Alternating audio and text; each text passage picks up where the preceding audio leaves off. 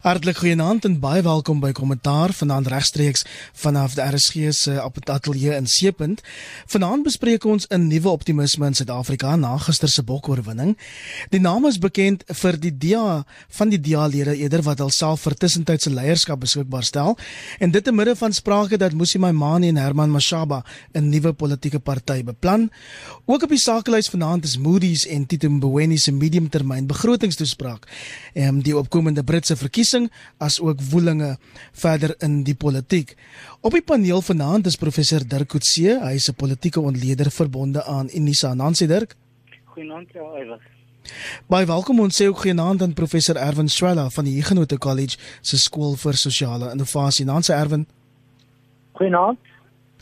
Ons verwelkom ook die onafhanklike kommentator professor Johannes Vroneman. Nancy Johannes.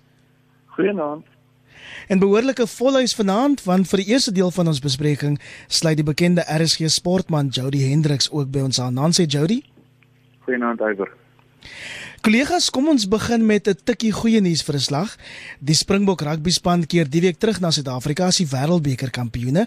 Dit na Siya Kolisi en sy span Engeland in Yokohama verslaan het.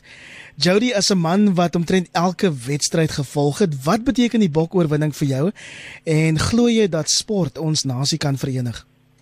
Ek dink hy wat ons praat oor die sosiale samehorigheid wat ons die afgelope week gesien het, dink ek beslis die bokke se sege gister dit het die land weer 'n bietjie positiewe hoop gegee um, wat ons brood nodig gehad het. Ek dink die laaste keer wat ons dit gesien het was met die 2010 sokker wêreldbeker maar uh, vir my is dit oor uh, die inspirasie wat die veral die Springbokke bring. En in 95 het dit vir my geïnspireer. In 2007 het baie van die spelers wat gister die toernooi gewen het daardie inspirasie gekry. Nou hopelik kan Sia nadat hy gister daai goue trofee gelig het 'n nuwe generasie van rugby liefhebbers en trotse Suid-Afrikaners kweke wat nie net lief is vir rugby en die Springbokke nie maar vir die land as 'n geheel. Jerry, ek hoor jou en ons hoor ehm um, dat die bokke dit reg gekry het om 'n verdeelde nasie wel effens te verenig, maar ons wil daarom nou ook nie wag vir 'n groot oomblik elke paar jaar nie. Hoe voel jy daaroor, Dirk? Ja, ek, ek dink dit dit was op wat gister gebeur het, was gister baie belangrik. Ek dink dit het vir baie mense 'n gevoel gegee van dit wat ons vroeër in die week gehoor het in terme van uh, Eskom se planne in terme van die mediumtermyn begroting dit was nie noodwendig baie positiewe nuus nie. So dit was 'n element van van meer optimisme wat dit gebring het, maar ek dink nou ons moet dit ook oorbeklemtoon nie, want daar is nog nog baie sake wat besprake is, ehm um, wat uh, wat glad nie aangespreek noodwendig word deur deur Trappi nie. Ehm um, en ek dink wat wat mense ook moet nou nie sê wel ons is nou weer verenig nie. Dit is 'n uh, dit is miskien 'n aansporing uh, om te sê wel dit wys wat gedoen kan word. Dit wys dat 'n uh, mense uit baie verskillende agtergronde bymekaar kan kom en baie suksesvol kan wees. Dit het 'n goeie voorbeeld gegee van sukses. Uh dat Suid-Afrika, ek dink baie Suid-Afrikaners het begin voel ons ons is nie meer 'n land wat suksese kan hê nie. Um en dit was uit, uit daardie oogpunt dink ek het dit uh daardie daardie gemoedstemming ek dink ja, aangespreek. Maar ek dink mense moet nie nou sê wel nou is alles verby, nou is ons uitgesorteer. Um en as gevolg daarvan hoef dan nie verder aandag gegee te word aan baie belangrike aspekte die soos ek vroeër gesê die ekonomiese situasie bly daar um, maar ek dink wat nodig is is is die sentiment wat uh, wat dit geskep het van teer te sê wel dit is is moontlik om saam te staan in iets so sport en om sukses te kan behaal Ek glo tog wel dat dit bietjie van 'n opstopper was vir van ons politici wat daarop uit is om ons te verdeel. Erwin, ek sien die EFF se Dr. Mbuyiseni Ndlozi het behoorlik sy rieme styf geloop na verskeie um, verdelende Twitter uitsprake oor die Bok erwinne oorwinning. Wat maak jy van die oorwinning? Kom ons begin hier net te sê dat ehm um, die die die manier waarop die raam vir die argumentering of die beredenering of uiteindelik hoe ons dit sien geskuif het is tog wel interessant. Ehm uh, ek uh, het met groot vreugde die oorwinning dopgehou, maar met nog groter vreugde geluister na die toesprake daarna waar die eh uh, Springbok kaptein Sia Kolisi en die afrigter een van die ander spelers eintlik nie toesprake gehou het wat oor rugby gegaan het nie. Dit het natuurlik oor rugby ook gegaan, maar dit het juis gegaan daaroor en dis hoe die die die narratief geskuif het oor uh, hoe belangrik dit is vir Suid-Afrika, hoe belangrik dit is vir die ehm um, ehm um, opbou van 'n uh, sosiale samehorigheid. Ehm um, en hoe hulle eintlik uh, gespeel het om aan Suid-Afrika te bewys dat dit moontlik is dat 'n mens uh, selfs onder toestande van uh, noodsaaklike en en beduidende transformasie kan presteer. So daar's 'n daar's 'n verskywing in daai narratief uh, wat eintlik dan nou saamhang met die krisissituasie waarin ons ons bevind. Ek dink dit is belangrik en ek dink dit is simbolies en ek dink dit het ook interessante lesse vir die toekoms. Dit is sodat ons by herhaling hierdie soort groot geleenthede kry wat dan uh, vir 'n kort periode ons uh, bind aan mekaar en sosiale samehorigheid bevorder. Dis belangriker dink ek om die verdere ontleding te gaan doen wat voorspel of wat uh, help ons om suksesvolle transformasie te kry. Dit lyk my het iets te maak met die met die uitnemende bestuur van diversiteit. Diversiteit is 'n gegewe in ons konteks en dit is nie 'n maklike situasie om te bestuur nie. Nou moet die vraag, hoe bestuur mense hierdie soort diversiteit? En na my mening is daar nog 'n ander ding in ons grondwet as ons kyk na die waardes vir regering en publieke administrasie, dan sê dit diversiteit wat dan eintlik transformasie uh insluit, moet bestuur word om effektief eties en verteenwoordigend te wees. Nou in Suid-Afrikaanse uh, konteks is die debat dikwels uh, baie sterk gerig op uh, die idee van transformasie en diversiteit net op verteenwoordigendheid. En dit is uiters belangrik. Ons wil dit nie ontken nie. Maar as hoe daai verteenwoordigheid verteenwoordigendheid koppel en ook in terme van die grondwet en die mate waartoe die uh, die transformasie binne die regeringsstelsel soos gedefinieer in die grondwet vir ons riglyne gee dat ons seker maak dat verteenwoordigheid bevorder word maar terselfdertyd ook ehm uh, etiek etiese optrede en ook effektiewe optrede. En ek dink daar's 'n klompie lesse in wat hier gebeur het. En as mense dit nou kontrasteer met wat in die onlangse verlede met die Suid-Afrikaanse kriketspan gebeur het dan lyk dit my daar is eintlik interessante analises om te maak uit hierdie twee gevalle Ek sou graag wou hoor wat Jody daaroor te sê het, man. Tussen Johannes as 'n media kenner, hoe die Suid-Afrikaanse en ook die wêreldmedia ons groot nuus uit Japan gedek. Ehm um, dit moet sekerlik ook 'n impak op ons nasie se siege hê. Ja, jy is reg, die eh, BBC World wat ek nou dopgehou het ook gisterand en in die loop van die dag het uh, heelwat aandag daaraan geskenk, ook opvolgberigte ook spesifiek aandag geskenk aan die feesvieringe en ook die betekenis daarvan. Ek het dit selfs op CNN ehm uh, raak geloop, maar 'n baie interessante enetjie wat ek raak geloop het in Guardian is dat ehm uh, uh, die uh, artikel skrywer sê dat die Engels het eintlik nie 'n katsekans gehad nie. Die gesamentlike wil van die mense van Suid-Afrika was net kumulatief te sterk geweest. Hulle self nie kans gehad nie. Daar is ook 'n klompie ander baie interessante uh, dinge wat ek raak geloop het in die, die internasionale media.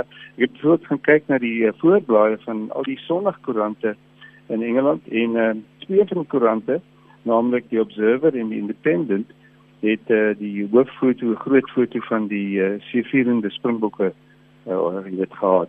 Interessant natuurlik dat die ander uh, het ook die rugby gehad, maar nee, hulle het verloor, né? Nee? So hulle het nog ons gegaan vir bebloede foto's van van Engelse uh, spelers, maar oor die algemeen baie belangrik is hulle almal gefokus op die betekenis daarvan, die potensiële betekenis daarvan. Ook verwys na die uh, 95 oorwinning en uh, jy weet wat dit moontlik kan wees uh, vir Suid-Afrika. Weet ek het uh, al die voorbehoude wat my kollegas ook het oor om te veel te koppel aan een enkele rugby wedstryd, maar jy weet as dit een keer in 12 jaar gebeur het ons so beker wen, dan dink ek moet ons nou maar eers 'n bietjie nog stil staan as jy nie as jy nie moet nie. Ek dink daar's so 'n paar, so 'n paar ander dingetjies wat ek graag net wil uit uitlig as ek mag. Asseblief. Die uh, kommentaar uh, ek het sommer gekyk wat sê die New Zealand se uh, New Zealand Herald en hulle het ook uh, baie groot lof gehad en ook eintlik 'n baie groot baie gemaak daarvan die All Blacks. Het 'n mooi uh, jy weet 'n uh, um, boodskap gestuur aan die Springbokke en uh, jy weet hulle alles van die beste toegewens en hulle erkenning gegee as as waardige uh, opponente en uh, jy weet eintlik deesdae teen 3 elk. Wel ons staan nou gelyk met hulle wat betref oorwinnings in die wêreldbeker Maar Rassie, die uh die groot held Vincent Sims in vele opsigte het volgens een New Zealandse kommentator gewys dat nice guys can finish first. Uh gawe ouens kan tog wel eerste kom en ek dink dit is nogal so iets wat ons kan uh, kan kan verder verder vat. Die ander ding wat baie interessant is oor Rassie is dat hy 'n uh, opmerking gemaak het dat hele party van die Oseese koerante opgetel het en hy het gesê wat druk? Nee, nee, rugby is nie druk nie. Druk is om nie werk te hê in Suid-Afrika nie of om die moord van 'n geliefde te moet verwerk. Dis wat druk is. So ek dink daar is iets van rassiese volwassenheid en sy breër kyk op dinge wat ook deurgeslaan. Ek dink dit is 'n baie positiewe ding in die sosiale media. Jody, voor ons jou groet, ek wil graag jou mening hê oor die belangrikheid van diversiteit in sport. Ons weet dit was nie maklik vir die bokke nie, veral na aandering van die Eben Etzebeth rassedrama wat nog moet afspeel wanneer hulle nou terugkom. En dan het jy ook nog gehoor wat die politieke ontleeders sê. Jou indrukke? Ja, ek is onder geen illusies oor dat ehm um, die fokus se sege gister gaan nie die werkloosheidsyfer verminder nie, gaan nie die Suid-Afrikaanse ekonomie verbeter nie, maar vir my dit het net weer eens bewys dat sport die mag het om iets te doen wat politici nie kan doen nie. Dit is om mense bymekaar te bring en in terme oor jou vraag oor die diversiteit. Jy weet in die verlede was daar ons en hulle benadering veral met springbokke en sport en gister het dit gewys, jy weet, uh Kosaman van die Oos-Kaap het 'n brief gedruk, 'n sogenaamde bruin persoon van die Kaap het 'n brief gedruk, Andre Pollard, 'n wit Suid-Afrikaner het die bal deur die paal geskop. Almal het bymekaar gekom vir die oorwinning en dit is belangrik. Terwyl RSG se sportkommentator Jody Hendriks, Jody, dit was 'n voorreg. Intussen het die stryd om die DA se topposisie in die volgende 3 weke versterk met 'n hele paar swaar gewigte wat hulle voorkeurkandidate as Musi Maimani se opvolger bekend gemaak het. 'n Spesiale sitting van die DA se federale raad word op die 17 November gehou waar die party dan sy tussentydse leier sal verkies. Dirk, op wie op hierdie stadium is die voorlopers om meneer Maimani te vervang en is daar iemand wat vir jou so uitstaan wat jy weet in jou hart dat hulle die pyp sal kan rook om die party te stabiliseer en dan ook vorentoe te vat? Wel, die daar's drie persone nou genomineer en die nominasies het reeds gesluit en dis John Steenhuisen dan Makasule Ghana wat van Gauteng kom en die voormalige leier van die van die jeug van van die DA is en dan die Weskaapse leier Bonginkosi Madikizela wat terloops ook 'n neef van Winnie Madikizela Mandela is. Hulle hulle is die drie wat genomineer is. So die die stryd gaan tussen hulle drie wees. Um, ons weet dat John Steenhuisen reeds een stapie vooruit gemaak het en dit is dat hy nou uh, gekies is as tussentydse parlementêre leier. Um, en ek dink dit gee aan hom 'n mate van 'n voorsprong. Hy is die enigste persoon wat in die parlement is. Die ander twee is almal in die provinsies Uh, uh, Ghana is uh, lid van die Gauteng wetgewer en uh, Madikizela uh, Bongengosi Madikizela is 'n lid van die Weskaapse wetgewer. Wat ook interessant is dat hulle van drie verskillende provinsies afkom. Steenhuisen van KwaZulu-Natal, uh, Ghana van uh, Gauteng en Madikizela uh, ma, uh, van van die Weskaap. Nou, ek dink dit gaan een van die faktore wees wat 'n rol speel, um, want dit het ook te maak met wat is die steenbasis van die verskillende provinsies in die federale raad wat uiteindelik die waar die stemming gaan plaasvind. Um, op die oomblik lyk dit asof as mens kyk na die media asof John Steenhuisen die meeste um, aandag trek. Um, hy het ook vandag byvoorbeeld was daar 'n baie interessante berig oor hom wat hy uh, uit homself uitspreek oor die rol wat die DA moet speel in verhouding met die ANC. Ons het nog nie van die ander twee kandidaate enige soortgelyke tipe van uitsprake gehoor oor uh, hoe hulle hulle rol as moontlike leiers van die DA sal kan speel nie. Ehm um, so ek dink uh, vir die vir, vir nou nog en dit is wel 'n bietjie meer as minder as rondom 2 weke voor die verkiesing.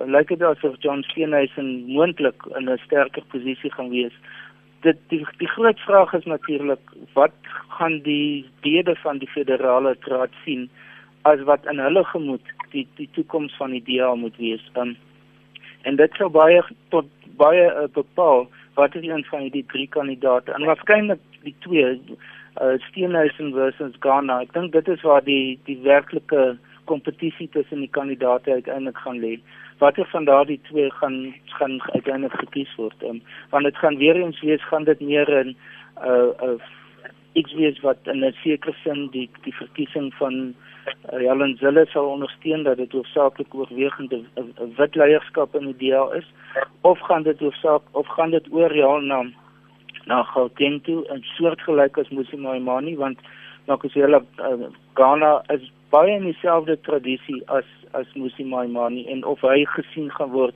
as 'n sekere sin 'n verlenging van die Maimani era aan die DA. Erwin ons het weke lank op kommentaar vir mekaar gesê dat daar nie 'n ooglopende opvolger vir Musi Maimane is nie, maar nou dinge is nou besig om te bedaar en dit lyk nou wel of daar 'n paar sterk figure na vore tree. Op die stadium John um, Steenhuisen die voorloper.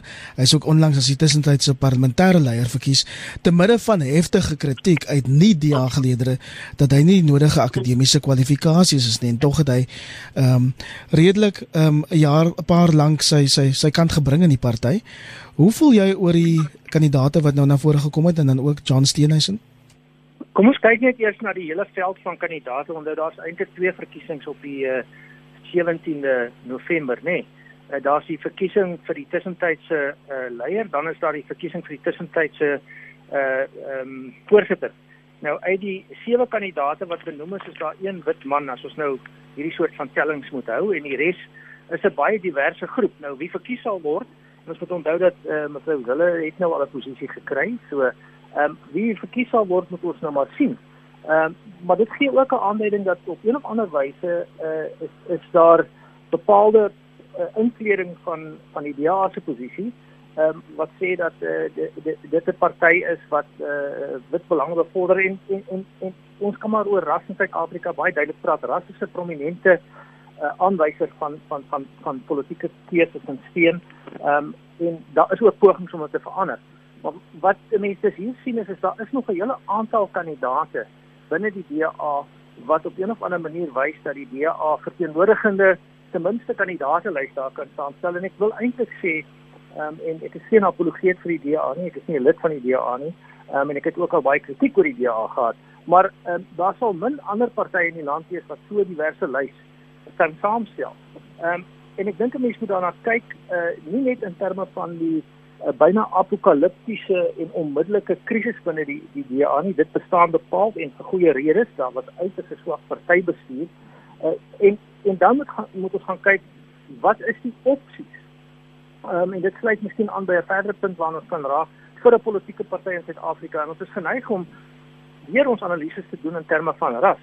Maar daar's ook opsies in terme van wat gebruik jy as basis vir organisering van die party? Het jy 'n groter klem op die individu of 'n groter klem op groep? Wat is jou ekonomiese beleid? Het jy 'n groter klem op die mark of 'n groter klem op 'n meer staatsbeheerde stelsel? Wat is jou politieke uh, idees? Het jy 'n groter klem op die rol van die staat in die samelewing of 'n groter klem op die rol van die private sektor? En um, as ons na hierdie situasie gaan kyk, dan is die DA besig om te herposisioneer, nuwe leierskap te kies.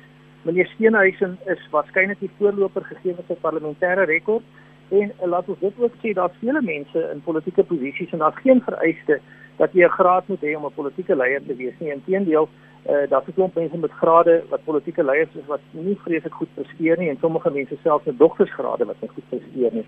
Politiek het sy eie kwalifikasiestruktuur en en en en, en reëlings. Natuurlik is dit goed as jy 'n kwalifikasie het. Dus om op te som, ek dink die DA um, is besig om te herstruktureer en ek het dit by herhaling uh, gesê en ek sê dit weer uh, ek dink hierdie apokaliptiese voorspellings die DA as hulle 50% van hulle steun verloor en hulle 15% van van van die steun in Suid-Afrika oor het nog 50% meer steun as die EFF. So ehm um, die DA gaan nooit hierdie land regeer as 'n regering nie. Ehm um, dit sal gebeur in koalisies en uiteindelik in 'n nuwe samesmelting van partye oor 'n hele aantal jare wanneer daar 'n totale herstrukturering in die sentrum van die politieke spektrum in Suid-Afrika is. In die tussentyd moet die DA fokus op goeie regering en doen wat hulle kan om uh, om om hulle posisie te konsolideer en te stabiliseer. Ek kan nie meer met jou ontleding van die kandidate, daai drie kandidate as die tussentydse leier van die DA saamstem nie. John Steenhuisen vir my byvoorbeeld, ek sien 'n simbool van uitnemendheid in plaas van nood, noodwendige wit man en ek is seker baie swart kiesers sou hom ook kon um, aanvaar as die DA leier. Sou hy dit wen? Johannes, hoe sien jy dit? Absoluut. Ek stem saam met uh, met julle al drie. Ek ek dink daar's eintlik net een leier. Ek dink John Steenhuisen gaan dit maklik wen. Ja, nou steek ek nou my nek uit, nee. Ehm um, ek dink uh, Ghana is 'n uh, baie uh, knap jong uh, politikus, maar is presies soos Dirk sê, dieselfde tipe van persoon as as die vorige leier en dit het op 'n mislukking uitgeloop. Uh, Marika Zela is 'n 'n streeksleier. Ek dink nie hy gaan enigsins steun trek op 'n landwyse vlak nie. So ek dink John Steenhuisen is los voor die die persoon wat die uh, leierskap gaan gaan kry en gaan goed doen en hy gaan swart en bruin leiers ehm uh, uh, uh, ondersteuners en ook uh, verteenwoordigers saam met hom trek. En om eerlike waarheid te sê hulle nie van hom hou want hy wit is nie hulle loop. Die die DA is nie 'n party wat op hele tyd na na ras moet kyk nie. Uh, ras is nie totaal onbelangrik nie en mens wil 'n mate van verteenwoordiging kry maar as jy 'n leier kies moet jy in die eerste plek die beste leier kies. En as hy toevallig 'n wit man is dan kies jy hom en ek dink eh, die DA daai les nou geleer Intussen loop die gerugte sterk dat Musi Maimani en Herman Mashaba agter die skerms planne maak om hulle eie politieke party bekend te stel. Wat maak jy daarvan Dirk? Die DA is nog 'n magtige party om aan te vat. Ja, ek ek dink dis dis 'n uh, 'n idee wat waarskynlik doodgebore gaan wees. En die, die rede daarvoor is is dat uh, die die groepering wat hulle moet trek om oor te kom na hulle kant toe gaan uit vanuit die DA moet kom. Daar's nie eintlik 'n ander werwingsbasis waarvan dan hulle dit sal kan kan oortrek nie. Uh, ons weet dat uh, al die berekenings wat gemaak is is dat die hoeveelheid swart lede binne die DA en dit is waarskynlik wat hulle fokus sal wees dat dit is nog relatief beperk. Ehm um, en dit is 'n vloeibare ondersteuningsbasis as as jy mens kyk na wat so 'n partye wat in soortgelyke posisies is mee uh, ge, gebeure dan kan mens dink byvoorbeeld aan die UDM United Democratic Movement of Cope wat uit die DA uit die ANC uitgebreek het wat naaste by dieselfde beleid as die ANC nog steeds mee voortgegaan het en nie nooit werklik van hul voete af kon kom nie. Die Cope wel in in die eerste verkiesing maar daarna het hulle as gevolg van hulle eie interne probleme het hulle platgeval. Nou die dieselfde sal waarskynlik in met so 'n party gebeur. Ehm um, die vraag gaan wees is hoe gaan hulle hulle posisioneer dat hulle dat hulle onderskei kan word van byvoorbeeld die ANC, né? Ehm um, want ek dink een van die groot probleme in die in die Musimani era nou was hoe as dit gaan oor spesifieke beleidsaspekte soos byvoorbeeld regstellende aksies, soos swart ekonomiese bemagtiging, ehm um, soos sekere aspekte van grond waar daar oor meningsverskil binne die DA was. Hoe hoe is hulle werklik onderskei hulle self van ander partye soos die DA? Dieselfde probleem tot 'n mindere mate is ook geld ook vir die EFF, hoe hulle hulle self op baie belangrike aspekte van die ANC moet onderskei. En as dit begin vaag word, dan is dit gewoonlik problematies vir 'n nuwe opkomende party om hulle self te kan vestig. Die belangrike punt wat mense altyd moet onthou is omdat die oorstap wetgewing nie meer bestaan nie, kan bestaande lede van die parlement um, of van provinsiale wetgewers nie aansluit by so 'n nuwe party nie of hulle sal aansluit maar hulle sal hulle setels setels verloor.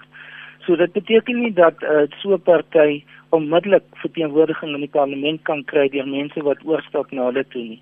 En ek dink dis een van die komplikasies wat dit baie moeilik maak vir 'n party want enige nuwe party of dit nou die UDM was en of die EFF was of Good Party of wie ook al, daardie eerste periode wat hulle nie finansiering van die parlement kry nie, is een van die moeilikste periodes vir enige party om homself te kan vestig. Daar selfs gerugte dat meneer Mamani die DA wou hernoem tot die Jobs and Justice Party. Dis nou volgens vandag se rapport in City Press. Is dit 'n slim strategie om primêr op juis op werkloosheid te fokus, Erwin, gegee word die faktore wat Dirk nou op die tafel gesit het? Ja, dit is 'n uh, werkloosheid is een van die uh probleme, uitdagings in die Suid-Afrikaanse samelewing wat ehm um, raakvlakke het met beide die politieke, die ekonomiese en uiteindelik die sosiale stelsels van die samelewing. Ek is uh, 100% in ooreenstemming met Dirk om te posisioneer uh, vir 'n nuwe politieke party. Ehm um, en miskien selfs net 'n populêre naam. Ek is nou nie eintlik dit dis nie vir my aantreklike naam nie, maar dit nou maar daar gelaat. Ehm um, as as dit die idee was met ja, dit te noem en dalk 'n nuwe party so te noem. Ehm um, werkloosheid is 'n werklike kwessie. Die vraag is egter, wat is die beleidsrigtinge wat jy moet uh, uh, in werking stel om werkloosheid aan te spreek? Hoe posisioneer jy byvoorbeeld die staat as 'n werkgewer teenoor die private sektor as 'n werkgewer? Dit sluit aan by die punt wat ek net al gemaak het. Is jou is jou sieninge rondom uh, sosiale uh um, samehorigheid en en uiteindelik sosiale geregtigheid uh, nader aan die wat wat werk met met met ehm um, herverdeling en regstelling of dit nader aan aan elemente wat werk met groei en en die oordra van welvaart deur middel van groei. Daarvoor moet 'n politieke party 'n stel beleidsrigtinge hê En ek uh, sien dat daar eintlik in daai posisionering tussen die DA en die ANC. Hoekom sal loyale getroue DA ondersteuners wat vir 'n bepaalde rede uit ideologiese of belangeoorwegings of loyale getroue ANC ondersteuners wat vir bepaalde ideologiese of uh belangeredes by die ANC of die DA is, hulle nou skuif na na hierdie party toe. En ons sien mos dat die geskiedenis waarna Dirk uh, tereg verwys het, dit het eintlik nog nie vreeslik gewerk nie. Ehm um, so ek uh, voorsien 'n groot geleentheid daar nie. Ehm um, en uiteindelik sal dit so wees dat uh, hierdie hierdie partye ehm um, steun verloor of nie steun kan wen nie. Die groter herstrukturering in ons politiek kom wanneer daar 'n nuwe sentrum koalisie kom om die grootliks verwagte en uiteindelik verwagte aanslag ons ons ons politiek radikaliseer nie so seer na die regterkant toe nie. Dit radikaliseer na die linkerkant toe. En wanneer daai ra radikalisering na die linkerkant toe begin om sosiale uh kohesie of samehorigheid te bedreig onder andere uh, met uitsprake soos die van dokter Lozi um, wat 'n doktorsgraad het en nie net matriek te, te loop um, dan dan dan sal daar 'n herskikking rondom die sentrum kom en dit gaan 'n herskikking wees rondom gematigde mense oor die spektrum van politieke partye wat grootliks 'n samestelling van DA en ANC lede sal wees gekoppel aan ander um, losser entiteite. Dis op pad binne die volgende klompie jare. Dit sal nie môre gebeur nie, maar dit kom pad. Johannes en dan moet ons ook vir mekaar sê vorige wegbreekpartye het nie 'n vreeslike suksesrekord in Suid-Afrika nie. Nee, absoluut nie. Uh, ons weet dat Cope het aanvanklik goed gevaar en daarna net so intoneel verdwyn omdat soveel binnengevegte was. En ek sê nie Dirk kan my nou korrigeer op daai en ek dink Cope was het, het weggebreek toe die ehm uh, toe hulle nog kon oorloop en hulle setels bou, maar dit nou daar gelaat. Die feit is en dit is ook reeds genoem dat jy kan nie nou uitstap en jy behou jou jou setels soos soos soos vroeër nie. Met ander woorde enige party wat nou begin gaan vir die volgende paar jaar geen verteenwoordiging hê nie en uh, daar daar's net geen manier dat iets kan doen nie.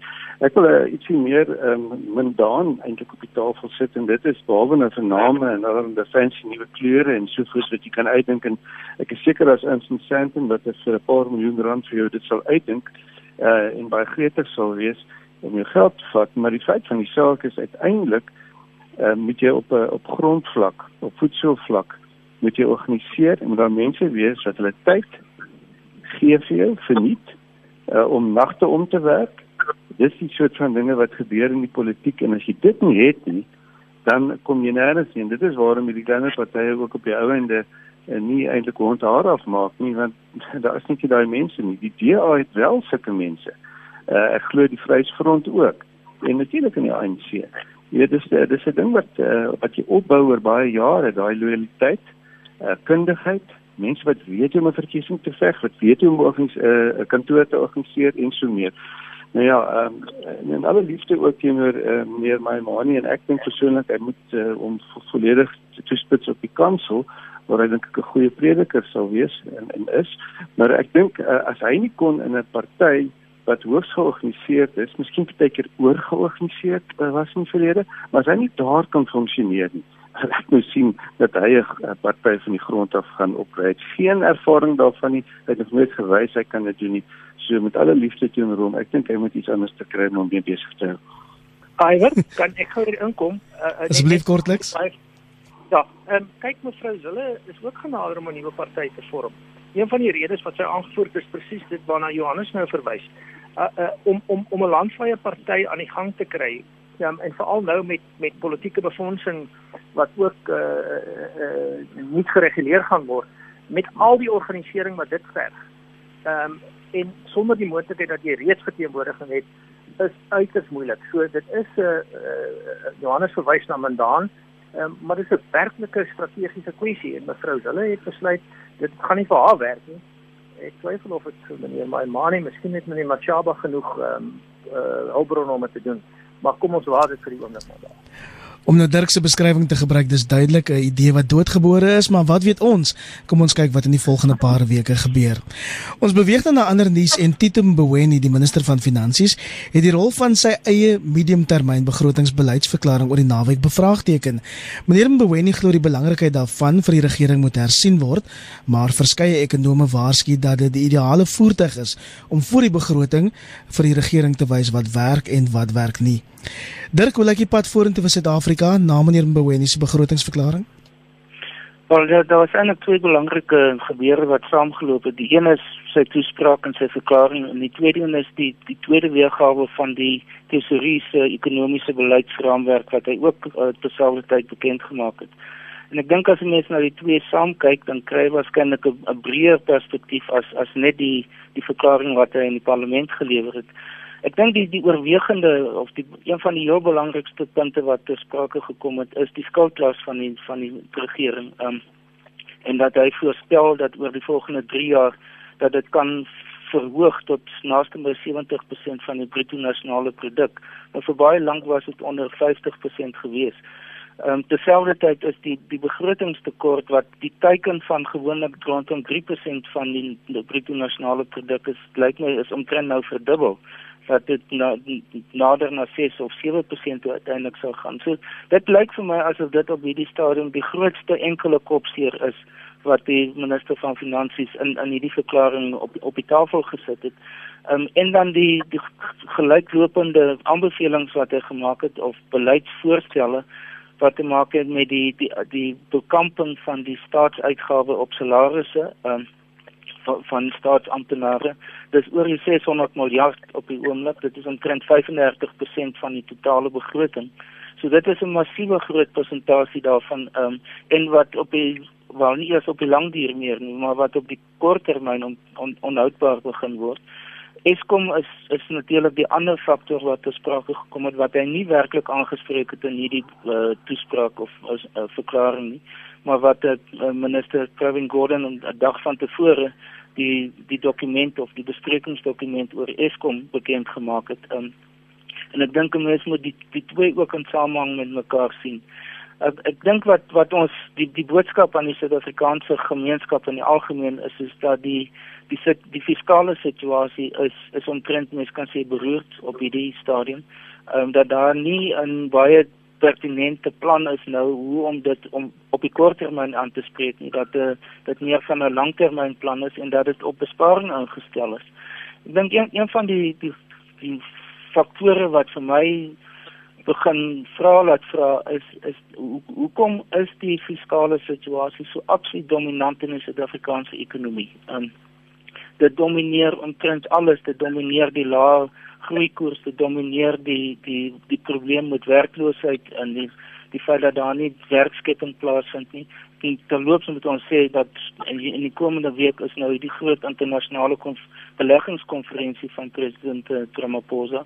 So hy probeer om van daardie kant af dit te probeer aanspreek.